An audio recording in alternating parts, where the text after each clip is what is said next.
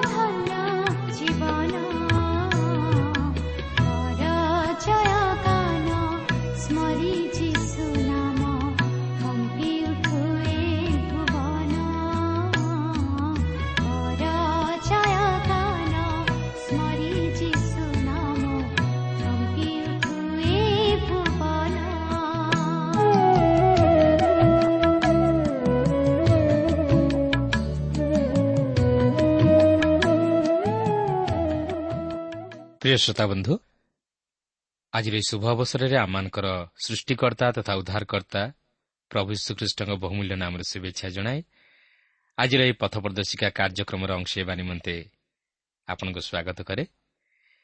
ଆପଣଙ୍କର ସହଯୋଗ ତଥା ମତାମତ ନିମନ୍ତେ ବିଶେଷ ଧନ୍ୟବାଦ। ଆପଣଙ୍କର ପ୍ରାର୍ଥନାର ଅନୁରୋଧ ରକ୍ଷା କରି ଆମେ ଆପଣଙ୍କ ନିମନ୍ତେ ପ୍ରାର୍ଥନା କରୁଅଛୁ। ଆଉ ସେହି ପ୍ରଭୁ ଯୀଶୁ ନିଶ୍ଚିତ ଭାବରେ ଆପଣଙ୍କୁ ସମସ୍ୟାରୁ ଉଦ୍ଧାର କରିବେ।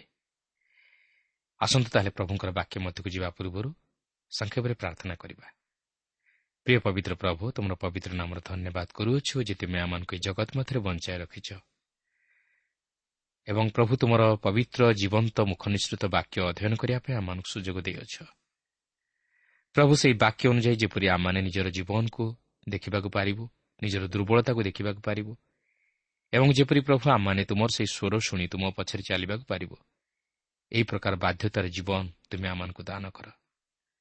ଜଗତର ସମସ୍ତ ମନ୍ଦ ଆବିଳତାଠାରୁ ମୁହଁ ମାହାଠାରୁ ଆମମାନଙ୍କୁ ରକ୍ଷା କରି। ତୁମର ସେ ଅନନ୍ତ ଜୀବନର ପଥରେ ଅଗ୍ରସର ହେବା ନିମନ୍ତେ ତୁମେ ଆମମାନଙ୍କୁ ସାହାଯ୍ୟ କର। ପ୍ରତ୍ୟେକ ଶ୍ରୋତାବନ୍ଧୁମାନଙ୍କୁ ତୁମେ ଆଶୀର୍ବାଦ କର। ଯୀଶୁଙ୍କ ନାମରେ ମାଗୁଅଛୁ। ଆମେନ୍।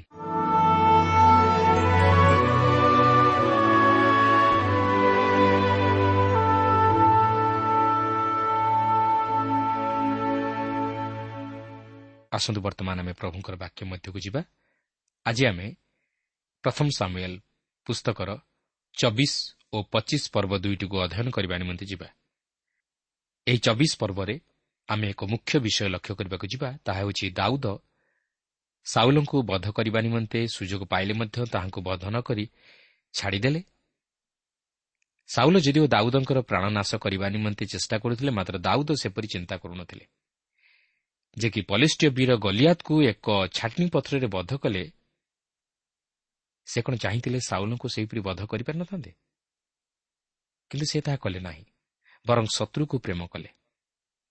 ସେ ଏହି ସମୟରେ ମଧ୍ୟ ନିଜର ଜୀବନ ରକ୍ଷା କରିବା ପାଇଁ ଅରଣ୍ୟରେ ପର୍ବତର ଗୁମ୍ଫାମାନଙ୍କରେ ଜୀବନ ବିତାଉଥିଲେ।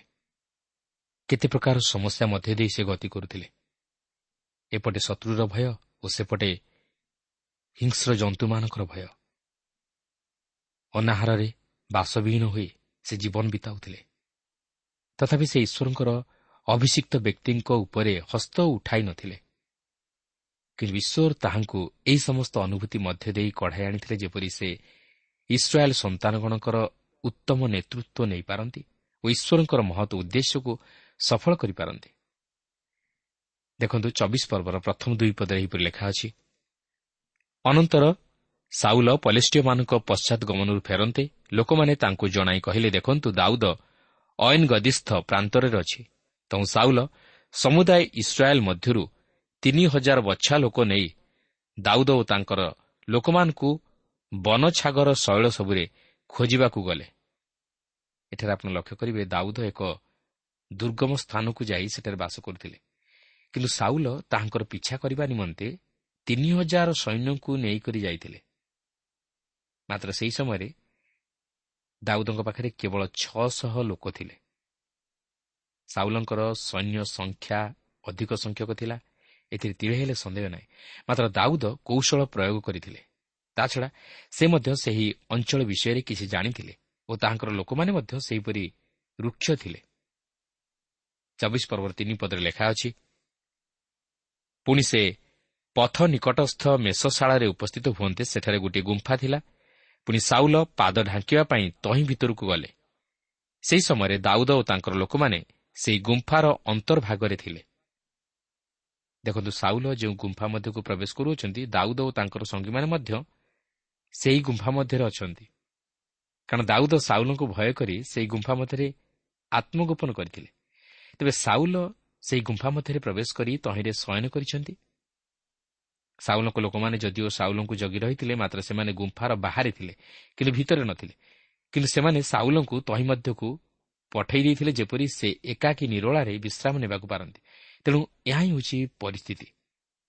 ଦାଉଦ ଓ ତାଙ୍କର ଲୋକମାନେ ଏବଂ ସାଉଲ ସେହି ଗୁମ୍ଫା ମଧ୍ୟରେ ଅଛନ୍ତି। କିନ୍ତୁ ସାଉଲଙ୍କର ସୈନ୍ୟମାନେ ଗୁମ୍ଫା ବାହାରେ ଅଛନ୍ତି। ଚବିଶ ପର୍ବର ଚାରିପଦରେ ଆମେ ଦେଖୁ ଯେ ଦାଉଦ ଗୋପନରେ ଯାଇ ସାଉଲ ନିଦ୍ରା ଯାଇଥିବା ଅବସ୍ଥାରେ ତାହାଙ୍କର ଚୁଗା ଧଡ଼ି କାଟି ନେଉଛନ୍ତି। ଚିନ୍ତା କରନ୍ତୁ ସେ କ'ଣ ଚାହିଁଥିଲେ ସାଉଲଙ୍କୁ ସେହି ସ୍ଥାନରେ ଖଡ଼ଗରେ ବଧ କରିପାରିନଥାନ୍ତେ? କିନ୍ତୁ ସେ ସେପରି କରିବାକୁ ଚାହିଁଲେ ନାହିଁ କାରଣ ସେ ଈଶ୍ୱରଙ୍କ ଅଭିଯୁକ୍ତଙ୍କ ବିରୁଦ୍ଧରେ ହସ୍ତ ଉଠାଇବାକୁ ଚାହିଁଲେ ନାହିଁ ଯାହାକି ପରେ ଆମେ ତାଙ୍କର ମୁଖରୁ ତାହା ଶୁଣିବାକୁ ପାରିବା। ଏହାପରେ ଚବିଶ ପର୍ବର ପାଞ୍ଚ ପଦରେ ଆମେ ଦେଖୁ ମାତ୍ର ସାଉଲଙ୍କର ବସ୍ତ୍ର ଧଡ଼ି କାଟିବାରୁ ପଛେ ଦାଉଦଙ୍କର ଅନ୍ତଃକରଣ ତାଙ୍କୁ ଆଘାତ କଲା। ଦେଖନ୍ତୁ ଦାଉଦ ତାହା କରିବା ଦ୍ୱାରା ସଙ୍ଗେ ସଙ୍ଗେ ତାହାଙ୍କର ବିବେକ ତାହାଙ୍କୁ ଆଘାତ କଲା ଓ ସେ ତାହା କରିଥିବା ହେତୁ ଦୁଃଖ କଲେ। କାରଣ ସାଉଲଙ୍କ ପ୍ରତି ତାହା ଏକ ଆଘାତଜନକ ଥିଲା। ଚିନ୍ତା କରନ୍ତୁ ସାଉଲ ଯେତେବେଳେ ନିଦ୍ରାରୁ ଜାଗ୍ରତ ହୋଇ ତାହାଙ୍କର ସେହି ବସ୍ତ୍ର ପ୍ରତି ଦୃଷ୍ଟି ଦେଇଥିବେ ସେତେବେଳେ ତାହାଙ୍କ ମନର ପ୍ରତିକ୍ରିୟା କ'ଣ ହୋଇଥିବ? ଚବିଶ ପର୍ବର ଛଅ ପଦରେ ଲେଖା ଅଛି ଏଣୁ ସେ ଆପଣ ଲୋକମାନଙ୍କୁ କହିଲେ ମୁଁ ଯେ ସଦାପ୍ରଭୁଙ୍କ ଅଭିଷିକ୍ତ ମୋର ପ୍ରଭୁଙ୍କ ପ୍ରତିକୂଳରେ ହାତ ଉଠାଇବି ସଦାପ୍ରଭୁ ଏହା କରିବାକୁ ମୋତେ ନ ଦେଉନ୍ତୁ। କାରଣ ସେ ସଦାପ୍ରଭୁଙ୍କ ଅଭିଷିକ୍ତ। ଦାଉଦ ସାଉଲ ରାଜାଙ୍କର କାର୍ଯ୍ୟକୁ ଓ ତାହାଙ୍କର ପଦବୀକୁ ସମ୍ମାନ ଦେଉଥିଲେ। ଯଦିଓ ସେ ସାଉଲଙ୍କୁ ମନୁଷ୍ୟ ଭାବରେ ଯେତିକି ସମ୍ମାନ ଦେଉନଥିଲେ ମାତ୍ର ସେ ତାହାଙ୍କର ସେହି ପଦବୀକୁ ସମ୍ମାନ ଦେଉଥିଲେ। ଏଠାରେ ଏକ କୌତୁହଳର ବିଷୟ ଆପଣ ଲକ୍ଷ୍ୟ କରିବେ ଯେ ଯଦିଓ ଦାଉଦ ସାଉଲଙ୍କ ଦ୍ୱାରା ଶିକାର ହେଉଥିଲେ ମାତ୍ର ଦାଉଦ ସାଉଲଙ୍କ ବିରୁଦ୍ଧରେ ହସ୍ତ ଉଠାଇ ନଥିଲେ କାହିଁକି ଜାଣନ୍ତି? ଯେହେତୁ ସାଉଲ ଈଶ୍ୱରଙ୍କର ଅଭିଷିକ୍ତ ବ୍ୟକ୍ତି ଥିଲେ ତେଣୁ ଦାଉଦ ତାହାଙ୍କର ବିଚାର ଈଶ୍ୱରଙ୍କ ହସ୍ତରେ ଛାଡ଼ି ଦେଇଥିଲେ। କିନ୍ତୁ ଅନେକ ସମୟରେ ଆମେ ଆମର ଶତ୍ରୁମାନଙ୍କର ବିଚାର କରିବାକୁ ଆଗେଇ ଯାଉ। ଆମେ ଈଶ୍ୱରଙ୍କ ବିଚାରକୁ ଆଉ ଅପେକ୍ଷା କରିପାରୁନା। କିନ୍ତୁ ମନେ ରଖନ୍ତୁ ଈଶ୍ୱର ଆମମାନଙ୍କଠାରୁ ଆମମାନଙ୍କ ଶତ୍ରୁମାନଙ୍କର ଉପଯୁକ୍ତ ବିଚାର କରିପାରନ୍ତି। ରୋମିଓ ବାର ପର୍ବର ଉଣେଇଶ ପଦରେ ଲେଖା ଅଛି? ହେ ପ୍ରିୟମାନେ ତୁମେମାନେ ନିଜେ ନିଜେ ପ୍ରତିଶୋଧ ନିଅ ନାହିଁ କିନ୍ତୁ କ୍ରୋଧ ପାଇଁ ସ୍ଥାନ ଛାଡ଼ିଦିଅ କାରଣ ଲେଖା ଅଛି ପ୍ରଭୁ କହନ୍ତି ପ୍ରତିଶୋଧ ନେବା ଆମ୍ଭର ଅଧିକାର ଆମ୍ଭେ ପ୍ରତିଫଳ ଦେବା। ଏହାପରେ ଚବିଶ ପର୍ବର ସାତ ପଦରେ ଲେଖା ଅଛି ଏସବୁ କଥା ଦ୍ୱାରା ଦାଉଦ ଆପଣା ଲୋକମାନଙ୍କୁ ଦମନ କଲେ ଓ ସାଉଲଙ୍କ ପ୍ରତିକୂଳରେ ସେମାନଙ୍କୁ ଉଠିବାକୁ ଦେଲେ ନାହିଁ। ଏଉତାରେ ସାଉଲ ଗୁମ୍ଫାରୁ ବାହାରି ଆପଣା ପଥରେ ଗଲେ। ଦେଖନ୍ତୁ ଦାଉଦଙ୍କର ଲୋକମାନେ ଚାହିଁଥିଲେ ସାଉଲଙ୍କୁ ଗୋଟିଏ ମିନିଟ୍ରେ ଶେଷ କରିଦେଇଥାନ୍ତେ। ମାତ୍ର ଦାଉଦ ସେପରି କରିବା ନିମନ୍ତେ ତାଙ୍କର ଲୋକମାନଙ୍କୁ ଅନୁମତି ଦେଲେ ନାହିଁ। ଏପରିକି ସାଉଲ ମଧ୍ୟ ସେହି ବିଷୟ ଜାଣିନଥିଲେ ଯେ ଦାଉଦ ସେହି ସ୍ଥାନରେ ଅଛନ୍ତି ଓ ତାହାଙ୍କର ଯୋଗା ଧଡ଼ି କାଟି ନେଇଛନ୍ତି। ଚବିଶ ପର୍ବର ଆଠ ପଦରେ ଲେଖା ଅଛି ଦାଉଦ ମଧ୍ୟ ତହିଁଉତାରେ ଉଠି ଗୁମ୍ଫାରୁ ବାହାରକୁ ଗଲେ ଓ ସାଉଲଙ୍କର ପଛେ ଡାକି କହିଲେ ହେ ମୋହର ପ୍ରଭୁ ମହାରାଜ ତରେ ସାଉଲ ଆପଣା ପଛକୁ ଅନାନ୍ତେ ଦାଉଦ ଭୂମିଷ୍ଠ ହୋଇ ପ୍ରଣାମ କଲେ। ଲକ୍ଷ୍ୟ କରନ୍ତୁ ଦାଉଦ ଏଠାରେ ସାଉଲଙ୍କ ନିକଟରେ ଭୂମିଷ୍ଠ ପ୍ରଣାମ କରୁଅଛନ୍ତି। ଯଦିଓ ସାଉଲ ଦାଉଦଙ୍କୁ ବଧ କରିବା ପାଇଁ ଚେଷ୍ଟା କରୁଥିଲେ ଓ ତାହାଙ୍କ ପ୍ରତି ଅନ୍ୟାୟ ତଥା ପ୍ରତିହିଂସାର ହସ୍ତ ଉଠାଇଥିଲେ ମାତ୍ର ଦାଉଦ ତାହାଙ୍କୁ ଅସମ୍ମାନ କରିନଥିଲେ। ସେ ତାହାଙ୍କୁ ରାଜାର ସମ୍ମାନ ଦେଉଥିଲେ। କିନ୍ତୁ ପ୍ରତିହିଂସାରେ ଉନ୍ମତ୍ତ ସାଉଲ ତାହା ବୁଝିପାରୁନଥିଲେ। ତାଙ୍କର ହୃଦୟ ପ୍ରତିହିଂସା ତଥା ଅହମିକାରେ ପରିପୂର୍ଣ୍ଣ ହୋଇ ରହିଥିଲା। ସେ ନିଜର ମାନବିକତା ମଧ୍ୟ ହରାଇ ବସିଥିଲେ। ସେହି ରାଜସିଂହାସନ ତାହାଙ୍କୁ ଅନ୍ଧ କରିଦେଇଥିଲା। ସେ ନିଜର ଦୁର୍ବଳତାକୁ ଚିହ୍ନି ପାରୁନଥିଲେ। ବାସ୍ତବରେ ଈର୍ଷା ପରାୟଣତା ଅତି ଭୟଙ୍କର ଏହା ମନୁଷ୍ୟକୁ ଧ୍ୱଂସ ପଥରେ କଢ଼ାଇ ନିଏ। କିନ୍ତୁ ଆମେ ଦାଉଦଙ୍କ ଜୀବନରେ ସହିଷ୍ଣୁତା ଦେଖୁ ଯାହାକି ତାହାଙ୍କୁ ରାଜସିଂହାସନର ଅଧିକାରୀ କରାଇ ପାରିଥିଲା। କାରଣ ପବିତ୍ର ବାଇବଲ କହେ ନମ୍ରତା ସମ୍ଭ୍ରମର ସମ୍ମୁଖବର୍ତ୍ତୀ। ତେବେ ଲକ୍ଷ୍ୟ କରନ୍ତୁ ଦାଉଦ ସାଉଲଙ୍କୁ କ'ଣ କହୁଅଛନ୍ତି?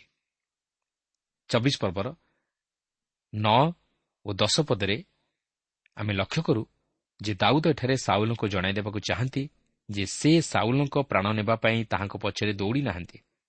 କିନ୍ତୁ ସାଉଲଙ୍କୁ ଲୋକମାନେ ଯେ ଭୁଲ ସମ୍ବାଦ ଦେଇଛନ୍ତି ଏହା ଦାଉଦ ସାଉଲଙ୍କୁ ଜଣାଇ ଦିଅନ୍ତି। ପ୍ରକୃତରେ ଦାଉଦଙ୍କୁ ତାହାଙ୍କର ବନ୍ଧୁମାନେ ତଥା ଶତ୍ରୁମାନେ ଭୁଲ ବୁଝିଥିଲେ। ଦାଉଦ ସେପରି ଶତ୍ରୁତା ଆଚରଣ କରିନଥିଲେ କି ସାଉଲଙ୍କର ପ୍ରାଣ ଲୋଡ଼ି ନଥିଲେ ମାତ୍ର ଲୋକମାନେ ସାଉଲଙ୍କୁ ଭୁଲ ସମ୍ବାଦ ଦେଇଥିଲେ।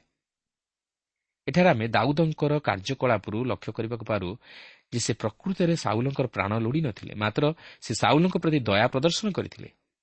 ତାହା ନ ହୋଇଥିଲେ ସେ ସେହି ସ୍ଥାନରେ ସାଉଲଙ୍କୁ ବୋଧହୁଏ ବଧ କରିଦେଇ ପାରିଥାନ୍ତେ କାରଣ ସେ ସାଉଲଙ୍କ ଭୟରେ ଯେଉଁପରି ଭାବେ ଏକ ଶିକାର ଜନ୍ତୁ ଭଳି ବଣରେ ଗୁମ୍ଫାରେ ଏଠି ସେଠି ନିଜକୁ ଲୁଚାଉଥିଲେ ସେ କେବେ ହେଲେ ଏହି ସୁବର୍ଣ୍ଣ ସୁଯୋଗକୁ ହାତଛଡ଼ା କରିନଥାନ୍ତେ।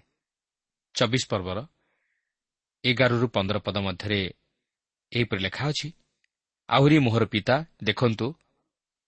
ହଁ ମୋର ହାତରେ ଆପଣଙ୍କ ଚୁଗାଧଡ଼ି ଦେଖନ୍ତୁ। ମୁଁ ଯେ ଆପଣଙ୍କ ଚୁଗାଧଡ଼ି କାଟିଲି ମାତ୍ର ଆପଣଙ୍କୁ ବଧ ନ କଲି ଏଥିରୁ ଆପଣ ବୁଝନ୍ତୁ ଓ ଦେଖନ୍ତୁ ଯେ ମୋ ହାତରେ କିଛି ମନ୍ଦ ବା ଅଧର୍ମ ନାହିଁ। ଆପଣ ମୋ ପ୍ରାଣକୁ ଧରିବା ପାଇଁ ଅନ୍ୱେଷଣ କଲେ ହେଁ। ମୁଁ ଆପଣଙ୍କ ବିରୁଦ୍ଧରେ ପାପ କରିନାହିଁ ସଦାପ୍ରଭୁ ମୋହର ଓ ଆପଣଙ୍କ ମଧ୍ୟରେ ବିଚାର କରନ୍ତୁ ଓ ସଦାପ୍ରଭୁ ଆପଣଙ୍କଠାରୁ ମୋହର ପରିଶୋଧ ନେଉନ୍ତୁ। ମାତ୍ର ମୋହର ହସ୍ତ ଆପଣଙ୍କ ପ୍ରତିକୂଳ ହେବ ନାହିଁ। ପ୍ରାଚୀନମାନଙ୍କ ପ୍ରବାଦ କହେ ଯଥା ଦୁଷ୍ଟଠାରୁ ଦୁଷ୍ଟତା ବାହାରେ ମାତ୍ର ମୋହର ହସ୍ତ ଆପଣଙ୍କ ପ୍ରତିକୂଳ ହେବ ନାହିଁ।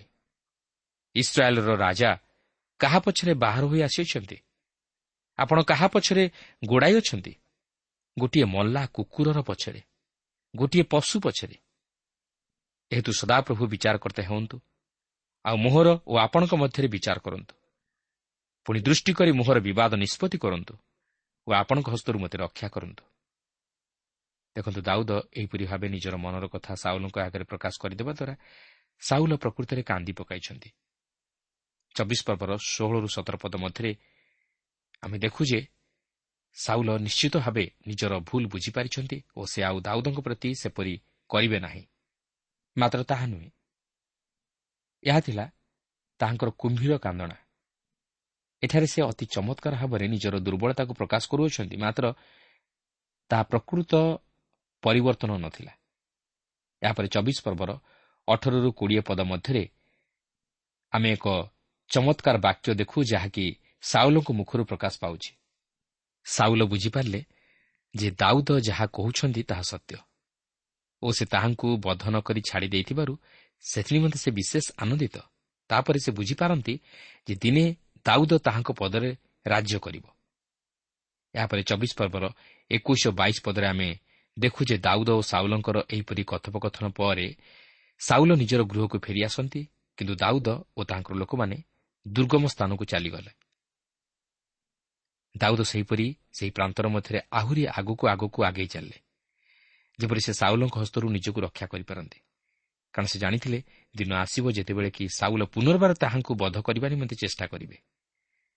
ସାଉଲ ଏହି ସମୟରେ ପ୍ରକୃତିରେ ମନ୍ଦ ଆତ୍ମା ଦ୍ୱାରା ଆବିଷ୍ଟ ଥିଲେ ଯାହାକି ଆମେ ଏଥିପୂର୍ବରୁ ମଧ୍ୟ ଦେଖିସାରିଛୁ ଯେ ମନ୍ଦ ଆତ୍ମା ଥରକୁ ଥର ତାହାଙ୍କୁ ଆକ୍ରମଣ କରୁଥିଲା।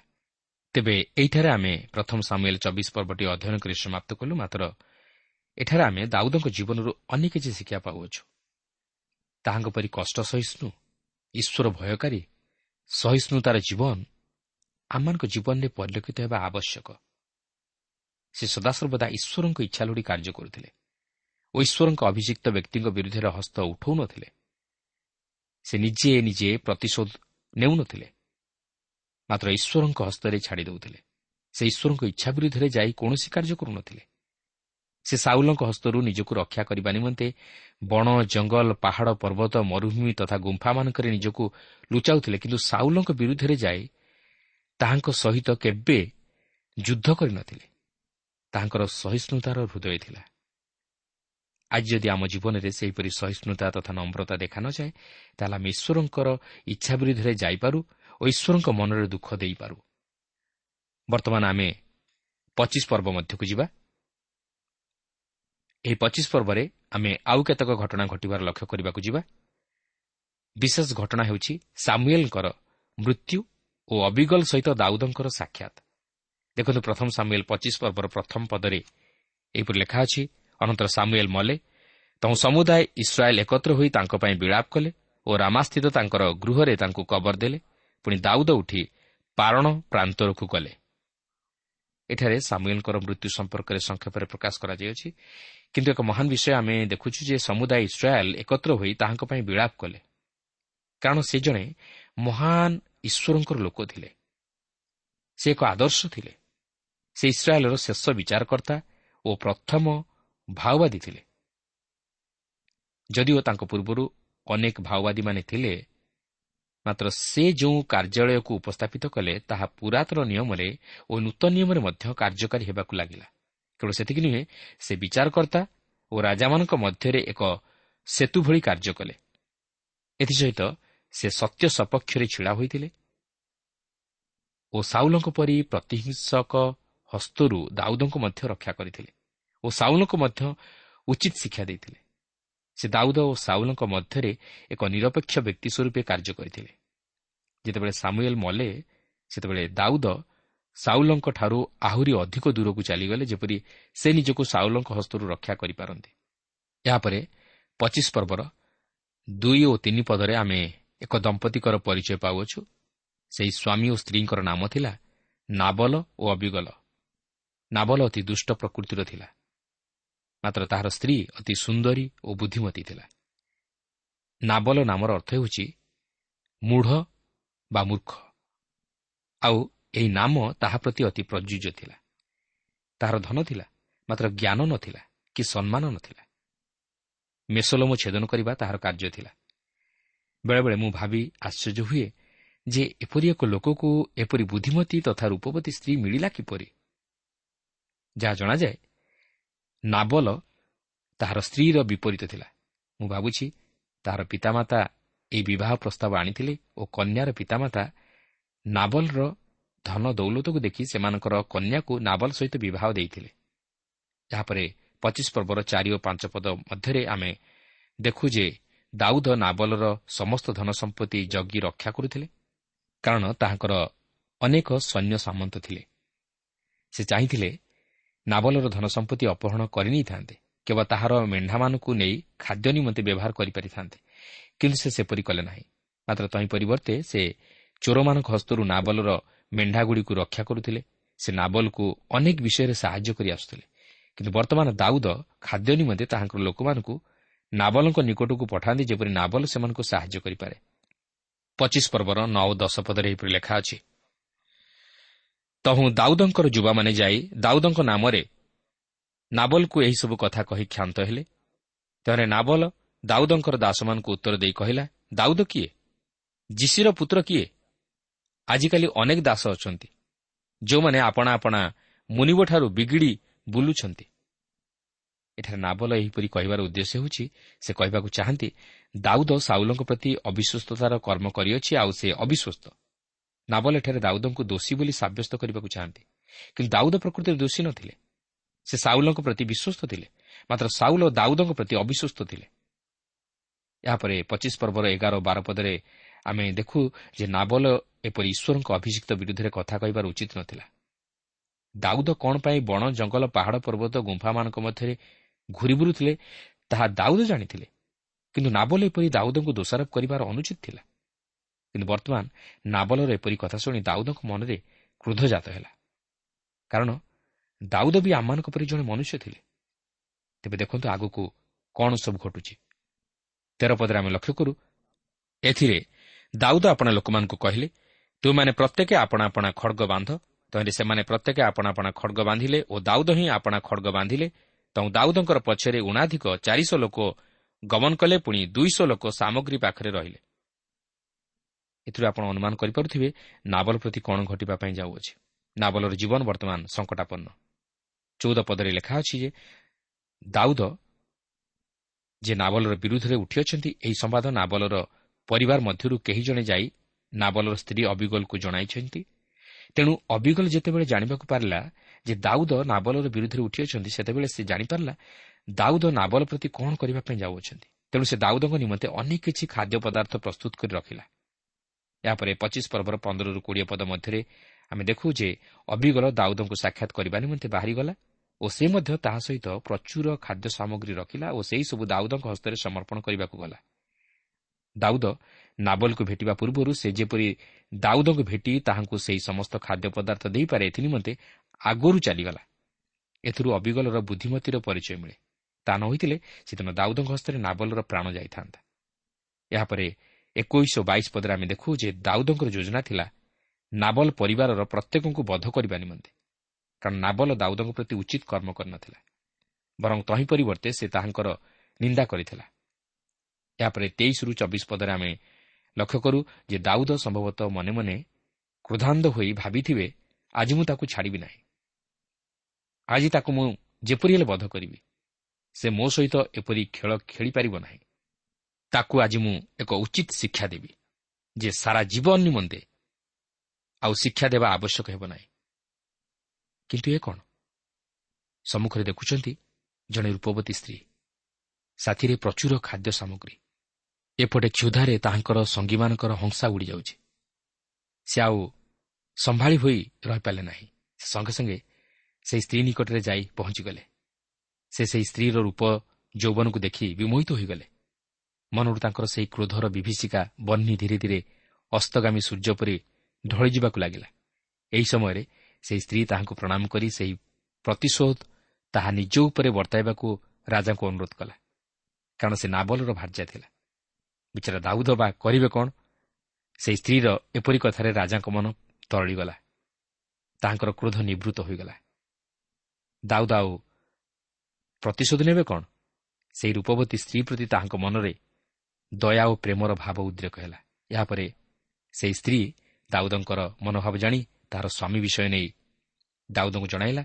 ତାହାର ସ୍ୱାମୀ ଯେ ଜଣେ ମୂର୍ଖ ଓ ନିଷ୍ଠୁର ଲୋକ ତାହା ଦାଉଦଙ୍କ ନିକଟରେ ପ୍ରକାଶ କରି କ୍ଷମା ଭିକ୍ଷା ମାଗିଲା। ଏହାପରେ ପଚିଶ ପର୍ବର ପଚିଶରୁ ଅଠେଇଶ ପଦ ମଧ୍ୟରେ ଆମେ ଦେଖୁ ଯେ ଏହା ହେଉଛି ଦାଉଦଙ୍କ ବାସ୍ତବ ପରୀକ୍ଷାପୂର୍ଣ୍ଣ ଜୀବନର ଆରମ୍ଭ। ଏପର୍ଯ୍ୟନ୍ତ ସେ ନିଷ୍ପାପି ଥିଲେ। ତାଙ୍କ ଜୀବନରେ କୌଣସି ପାପ ନଥିଲା। ମାତ୍ର ଏହାପରେ ତାଙ୍କ ଜୀବନରେ ପାପ ପ୍ରବେଶ କଲା। ସେ ଈଶ୍ୱରଙ୍କ ନିମନ୍ତେ ବଞ୍ଚିଥିଲେ ଓ ଈଶ୍ୱର ମଧ୍ୟ ତାହାଙ୍କ ସହିତ ଥିଲେ ଓ ସେ ଈଶ୍ୱରଙ୍କୁ ସଦାସର୍ବଦା ସନ୍ତୁଷ୍ଟ କରିବାକୁ ଚାହୁଁଥିଲେ। ତେଣୁକରି ଅବିଗଲ ଏଥି ନିମନ୍ତେ ତାହାଙ୍କର ପ୍ରଶଂସା କରନ୍ତି। କିନ୍ତୁ ପ୍ରଶଂସାରେ ମନୁଷ୍ୟ ପରୀକ୍ଷିତ ହୁଏ। ପଚିଶ ପର୍ବର ଅଣତିରିଶ ପଦରେ ଲେଖା ଅଛି ପୁଣି ମନୁଷ୍ୟ ଆପଣଙ୍କୁ ତାଡ଼ନା କରିବାକୁ ଓ ଆପଣଙ୍କ ପ୍ରାଣ ନେବାକୁ ଉଠିଲେ ହେଁ। ସଦାପ୍ରଭୁ ଆପଣଙ୍କ ପରମେଶ୍ୱରଙ୍କ ନିକଟରେ ମୋର ପ୍ରଭୁଙ୍କ ପ୍ରାଣ ଜୀବନ ରୂପ ଗଣ୍ଠିଳିରେ ଗଣ୍ଠି ପଡ଼ି ରହିବ। ମାତ୍ର ସେ ଆପଣଙ୍କ ଶତ୍ରୁମାନଙ୍କ ପ୍ରାଣକୁ ଛାଟିଣି ଖୋଲରୁ ଫିଙ୍ଗିଦେଲା ପରି ଫିଙ୍ଗିଦେବେ। ଏଠାରେ ଅବିଗଲ ଯଦିଓ ସାଉଲଙ୍କ ନାମ ଉଚ୍ଚାରଣ କରେ ନାହିଁ ମାତ୍ର ସେ ସାଉଲଙ୍କୁ ଦାଉଦଙ୍କ ଶତ୍ରୁ ବୋଲି ପ୍ରକାଶ କରି ଏହିପରି କହେ। କିନ୍ତୁ ସେଠାରେ ଗୋଟିଏ ବିଷୟ ପ୍ରକାଶ କରେ। ସଦାପ୍ରଭୁ ଆପଣଙ୍କ ପରମେଶ୍ୱରଙ୍କ ନିକଟରେ ମୋର ପ୍ରଭୁଙ୍କ ପ୍ରାଣ ଜୀବନ ରୂପ ଗଣ୍ଠିରେ ଗଣ୍ଠି ପଡ଼ି ରହିବ। ତାହା ହେଉଛି ପ୍ରତ୍ୟେକ ଖ୍ରୀଷ୍ଟ ବିଶ୍ୱାସୀମାନଙ୍କର ଖ୍ରୀଷ୍ଟଙ୍କଠାରେ ସ୍ଥିତି ଓ ସହଭାଗିତା ତଥା ସମ୍ପର୍କ।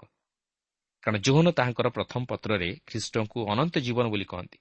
ତେଣୁ ଖ୍ରୀଷ୍ଟ ବିଶ୍ୱାସୀ ଖ୍ରୀଷ୍ଟଙ୍କ ସହିତ ସେହି ଅନନ୍ତ କାଳସ୍ଥାୟୀ ନିୟମ ତଥା ବନ୍ଧନରେ ଆବଦ୍ଧ ହୁଏ। ଏହାପରେ ଅବିଗଲ ଦାଉଦଙ୍କୁ ଆହୁରି କହନ୍ତି ମାତ୍ର ସେ ଆପଣଙ୍କ ଶତ୍ରୁମାନଙ୍କ ପ୍ରାଣକୁ ଛାଟିଣି ଖୋଲରୁ ଫିଙ୍ଗିଦେଲା ପରି ଫିଙ୍ଗିଦେବେ କାରଣ ଦାଉଦ କିପରି ଗଲିଆତକୁ ବଧ କରିଥିଲେ ତାହା ସେ ଜାଣିଥିଲା। ତେଣୁ ତାହାଙ୍କର ଶତ୍ରୁମାନେ ଯେ ସେହିପରି ଫିଙ୍ଗାଯିବେ ଓ ହତ ହେବେ ତାହା ସେ ପ୍ରକାଶ କରିଥିଲା। ଏହାପରେ ପଚିଶ ପର୍ବର ତିରିଶରୁ ଏକତିରିଶ ପଦରେ ଆମେ ଦେଖୁ ଯେ ଦାଉଦ ଯେପରି ତାହାର ସ୍ୱାମୀକୁ ବଧ ନ କରନ୍ତି ଏହା ସେ ବିନତି କରିଥିଲା ଓ ଦାଉଦ ଯେ ଇସ୍ରାଏଲ୍ ଉପରେ ରାଜା ହେବାକୁ ଯାଉଅଛନ୍ତି ତାହା ସେ ପ୍ରକାଶ କରିଥିଲା। ଏହାପରେ ପଚିଶ ପର୍ବର ବତିଶରୁ ତେତିଶ ପଦରେ ଦେଖୁ ଦାଉଦ ସେହି ସ୍ତ୍ରୀର ବୁଦ୍ଧିର ସହିତ କାର୍ଯ୍ୟକୁ ଦେଖି ତାହାର ପ୍ରଶଂସା କଲେ। କାରଣ ସେ ମଧ୍ୟ ଦାଉଦଙ୍କୁ ସେହି ରକ୍ତପାତ ଅପରାଧରୁ ରକ୍ଷା କରିଥିଲା। ତା ନ ହୋଇଥିଲେ ଦାଉଦଙ୍କୁ ତହିଁ ନିମନ୍ତେ ଅନୁତାପ କରିବାକୁ ହୋଇଥାନ୍ତା। ଏହାପରେ ପଞ୍ଚତିରିଶ ପଦରେ ଆମେ ଦେଖୁ ଦାଉଦ ଅବିଗଲ ଆଣିଥିବା ସମସ୍ତ ଖାଦ୍ୟ ପଦାର୍ଥ ଗ୍ରହଣ କଲେ ଓ ତାହାର ଉପଦେଶ ଓ ତାହାର ବ୍ୟକ୍ତିତ୍ୱକୁ ମଧ୍ୟ ଗ୍ରହଣ କଲେ। ଏହାପରେ ଛତିଶରୁ ଅଡ଼ତିରିଶ ପଦରେ ଦେଖୁ ଯେ ଅବିଗଲ ଯାଇ ନାବଲକୁ ସେହି ସମସ୍ତ ସମ୍ବାଦ ଜଣାଇବା ପରେ ନାବଲର ହୃଦୟ ତାହାର ଅନ୍ତରରେ ମରିଗଲା ଓ ସେ ପଥର ପରି ହୋଇଗଲା। ଓ ଦଶ ଦିନ ମଧ୍ୟରେ ସଦାପ୍ରଭୁ ନାବଲକୁ ଆଘାତ କରନ୍ତି ସେ ମଲା। ମାତ୍ର ଦାଉଦ ସେହି ରକ୍ତପାତ ଅପରାଧରୁ ରକ୍ଷା ପାଇଲେ। ଈଶ୍ୱର ନାବଲର ବିଚାର କରି ତାହାକୁ ସମୁଚିତ ଫଳ ଦେଲେ। ଏହାପରେ ଅଣଚାଳିଶ ପଦରେ ଆମେ ଦେଖୁ ଯେ ଯେତେବେଳେ ଦାଉଦ ଶୁଣିବାକୁ ପାରିଲେ ଯେ ନାବଲ ମରିଅଛି ସେତେବେଳେ ସେ ଅବିଗଲକୁ ତାହାଙ୍କର ସ୍ତ୍ରୀ ରୂପେ ଗ୍ରହଣ କରିବାକୁ ଚାହିଁଲେ। କାରଣ ସେହି ପଥ ମଧ୍ୟରେ ଦାଉଦଙ୍କ ସହିତ ସେହି ସ୍ତ୍ରୀର ସାକ୍ଷାତ ହେବା ସମୟରେ ସେ ଏହିପରି କହିଥିଲା ମାତ୍ର ସଦାପ୍ରଭୁ ମୋର ପ୍ରଭୁଙ୍କ ମଙ୍ଗଳ କରିବା ବେଳେ ଆପଣଙ୍କର ଏହି ଦାସୀକି ସ୍ମରଣ କରିବେ। ତେଣୁ ଦାଉଦ ମଧ୍ୟ ତାହା ଭୁଲି ନଥିଲେ। କାହିଁକି ଜାଣନ୍ତି? ସେହି ସ୍ତ୍ରୀର ବୁଦ୍ଧିର କାର୍ଯ୍ୟ ଓ ତାହାର ଉପଦେଶ ଦାଉଦଙ୍କ ହୃଦୟକୁ ସ୍ପର୍ଶ କରିଥିଲା ଓ ସେ ତାହାକୁ ପ୍ରକୃତରେ ଅନ୍ତର ସହିତ ଭଲ ପାଇଲେ ଓ ସେହି ସ୍ତ୍ରୀ ମଧ୍ୟ ଦାଉଦଙ୍କର ଭାର୍ଯ୍ୟା ରୂପେ ଗୃହୀତ ହେଲା। ଦାଉଦଙ୍କ ଜୀବନରେ ଆଉ ଏକ ନୂତନ ଅଧ୍ୟାୟ ଆରମ୍ଭ ହେଲା। ବର୍ତ୍ତମାନ କେତେକ ବିଷୟ ଘଟିଲା ଯାହାକି ଈଶ୍ୱର ଦାଉଦଙ୍କ ଜୀବନରୁ ତାହା ଆଶା କରିନଥିଲେ ପଚିଶ ପର୍ବର ତେୟାଳିଶରୁ ଚଉରାଳିଶ ପଦ ମଧ୍ୟରେ ଆମେ ତାହା ଲକ୍ଷ୍ୟ କରିବାକୁ ପାରୁ ପାପ ଦାଉଦଙ୍କ ଜୀବନରେ ପ୍ରବେଶ କଲା ସେ ବିପଥରେ ଗମନ କଲେ ଓ ଶେଷରେ ଦିନେ ସେ ନରଘାତକ ସାଜିଲେ। କିନ୍ତୁ ଈଶ୍ୱର କ'ଣ ତାହା ତାହାଙ୍କ ଜୀବନରେ ଏହିସବୁ ବିଷୟକୁ ପ୍ରଶ୍ରୟ ଦେଇଥିଲେ? ନୁହେଁ। ଆମେ ପରେ ଦେଖିବାକୁ ଯିବା ଯେ ଯେତେବେଳେ ଦାଉଦ ଈଶ୍ୱରଙ୍କ ନିମନ୍ତେ ଏକ ମନ୍ଦିର ନିର୍ମାଣ କରିବାକୁ ସ୍ଥିର କଲେ ସେତେବେଳେ ଈଶ୍ୱର ତାହା ଚାହିଁନଥିଲେ ଯେ ଦାଉଦ ତାହାଙ୍କ ନିମନ୍ତେ ସେହି ମନ୍ଦିର ନିର୍ମାଣ କରୁ ମାତ୍ର ସେ ତାଙ୍କର ପୁତ୍ର ସଲମନଙ୍କୁ ସେହି ମନ୍ଦିର ନିର୍ମାଣ କରିବା ନିମନ୍ତେ ଅନୁମତି ଦେଇଥିଲେ। ଆଜି ପାଇଁ ଏଠାରେ ରଖିବା। ପ୍ରଭୁ ପ୍ରତ୍ୟେକଙ୍କୁ ଆଶୀର୍ବାଦ କରନ୍ତୁ।